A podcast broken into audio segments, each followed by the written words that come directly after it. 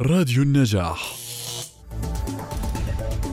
تدعوكم شبكة أريج لحضور الندوة الرقمية الثالثة والتي تحمل عنوان شك والتي تحمل عنوان شكل العلاقة بين الم... شكل العلاقة بين المصدر والصحفي الاستقصائي.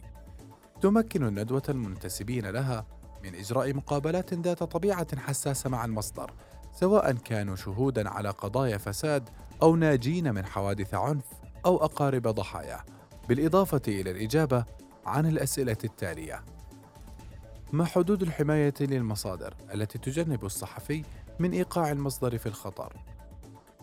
هل فكرت كصحفي في لحظة ما خلال العمل الصحفي التخلي عن الواجب الصحفي والمساهمة في إنقاذ الضحايا أو أي فعل آخر؟ سيتم الإجابة عن ذلك السؤال يوم الثلاثاء الموافق السادس والعشرين من نيسان في تمام الساعة الثامنة ونصف مساء ولغاية الساعة العاشرة مساء.